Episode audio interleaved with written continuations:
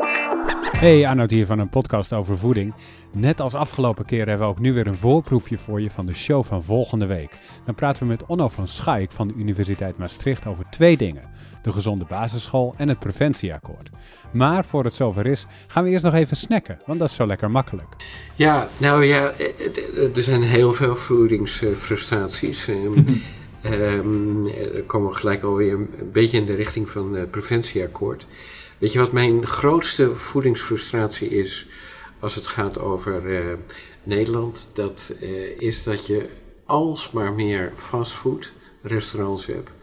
Mm -hmm. En uh, het ergste vind ik dat die in de omgeving staan van scholen. En dan zijn basisscholen zijn niet leuk, maar het is met name die middelbare scholen. Um, waar mensen, ja, scholieren adolescenten uh, heel makkelijk even naartoe kunnen gaan uh, tussenmiddag en daar gewoon allerlei fastfood kunnen halen. Dat is echt waardeloos.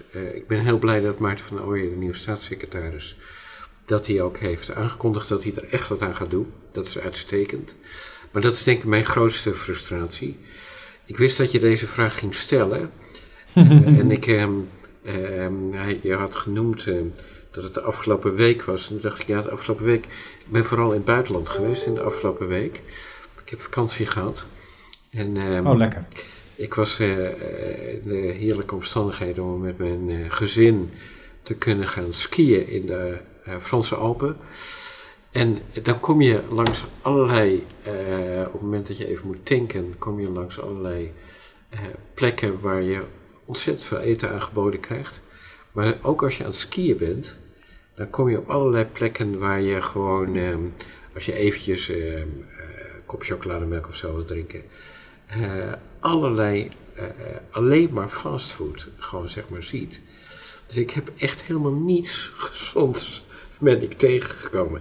Ja. En dan denk ik, ja, weet je, als je urenlang in de auto zit, in ons geval zeker tien uur lang, dan, uh, je, je, hebt, wij hebben altijd hebben we wel wat eten van tevoren klaargemaakt, maar ik denk dat veel mensen dat niet hebben. Dan heb je dus alleen maar de kans om gewoon fastfood te nemen. En dat vult lekker snel. Um, ja. En het is lekker. Maar ja, het, het is, je zou toch gewoon ontzettend graag willen dat mensen gewoon de keuze krijgen om ook wat gezonde dingen te eten. Nou, dat, dat irriteert mij mateloos. Herken je dat, Bart? Want jij bent ook wintersporter, weet ik toevallig. Ja, nou zeker. Ik was toevallig uh, uh, afgelopen winterseizoen in uh, Oostenrijk geweest. Dus ik, ik had wel een beetje hetzelfde. Ik ben vegetarisch, maar dan wordt het wel een uitdaging als je op de berg gaat eten. Oh. Als dat de keuze is tussen schnitzel, grote kippenbout of grillworst. dus ik durfde maar niet te zeggen ik ben vegan, maar in ieder geval ja. Je, je, je stelt je erop in, maar toen dacht ik wel van, ach, is nou enerzijds een beetje de beetje de charme hè, van uh, wintersport. Dat dat, ja, dat eigenlijk een heel gezond, ongezond aanbod is van eten. Maar uh, ja, uiteindelijk ja, kan je er altijd wel een beetje iets anders zoeken. Of je neemt zelf eten mee of je gaat thuis lunchen of iets dergelijks. Maar inderdaad, ik herken wel wat Orno zegt. Ik was dan wel even benieuwd naar die staatssecretaris. Wat gaat hij eraan doen eigenlijk? Want dat noemde je net even kort in de intro. Kan je dat Nou, dat is een hele, eh, hele goede vraag. Daar, is hij zelf ook niet over uit. Hij heeft aangekondigd dat hij het wil gaan aanpakken. Um, maar hij stuit wel direct op allerlei uh, problemen, omdat het is nog niet zo makkelijk. Uh, want vestigingen van uh, nieuwe zeg maar winkels of, of restaurants, dat kun je vaak niet zomaar tegenhouden.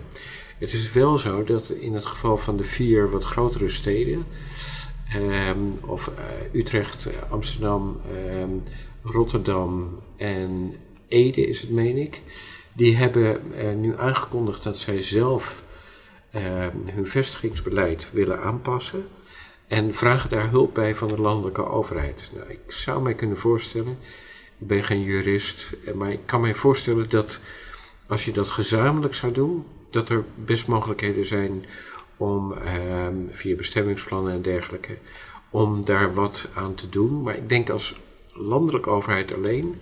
En wat dan ook lastig is, overheid, dat het ingewikkeld dat, uh, is. Scholen zitten nu eenmaal op plekken waar leerlingen kunnen komen. Um, en dat is dus ook wel eens in de buurt van winkelcentra en zo, waar dat soort ketens natuurlijk ook gewoon willen zitten. Ehm, moet je dan een lijn trekken om een school heen? Zo van zeggen van dit, dit, hier mag je niet zitten als, als fastfoodketen. Hoe, doe, hoe doe je dat? Nou, dat is wel wat we in het preventieakkoord hebben voorgesteld. Hè? Dus een, een bepaalde afstand. En die afstand die komt niet zomaar uit de lucht vallen. Die is echt gebaseerd op het feit dat er een bepaalde tijd tussenmiddag is. En als die afstand groot genoeg is om zeg maar veel moeite te doen om daar te komen. Uh, dus als die een, um, minimaal 1500, 2, 1500 meter 2 kilometer is, dan is dat gewoon sterker. Um, dus uh, ja, dan, dan kost het veel meer moeite om daar te komen. En ik denk dat dat heel verstandig is. En um, je, je, noemde net al uh, de, de, staatssecretaris die er iets aan wil doen, maar het niet kan zonder lokale overheden. Mm -hmm. uh, wat is de status nu? Waar, waar staan we nu in de aanpak hiervan? Nou, in ieder geval stond dit in het preventieakkoord. Stond dat we hier uh, beleid op zouden gaan voeren. Um, en um, ja, dat is een heel brede vraag. Uh, heb je het nu specifiek over dit onderdeel of heb je het ja, over het preventieakkoord in het algemeen? Nee, over dit onderdeel. Over dit onderdeel zijn we nog niet veel verder. Dus okay. het is zo dat Paul Blokhuizen, die uh, heeft het aangegeven, dus de vorige staatssecretaris, die heeft aangegeven dat het heel belangrijk is om dit aan te pakken. Want het is gewoon dweilen met de kramen open als je wel het een doet, maar niet het ander doet. Je moet dit geïntegreerd aanpakken. Um, maar er zijn geen maatregelen zijn er tot nu toe genomen.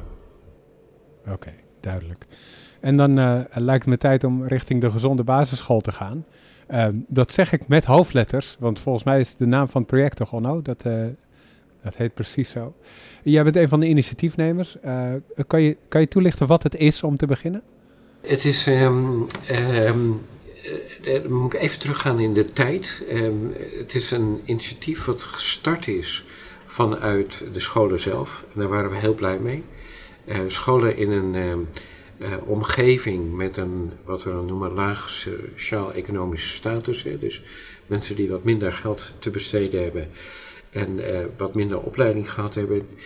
In die omgeving, in die wijken, in Parkstad, dus Heerlen, Kerkgraaf, Landgraaf en Kerkrade. Daar er zijn scholen hebben samen gezegd van wij willen dit probleem willen we gaan aanpakken. We willen eh, met elkaar willen we kijken hoe we kinderen gezonder kunnen krijgen. Want wat wij zien is dat eh, kinderen eh, echt veel te zwaar zijn. Dat ze al op jonge leeftijd allerlei ziektes ontwikkelen. Dat we zien dat de schooluitval groot is. We zien veel ongezond gedrag, niet alleen qua eten, maar ook qua roken. Um, we zien dat er uh, veel drugsgebruik is op middelbare scholen. Nou, uh, kortom, uh, scholenuitval en dergelijke. En we zien eigenlijk dat alle statistieken, dat die gewoon rood uitslaan.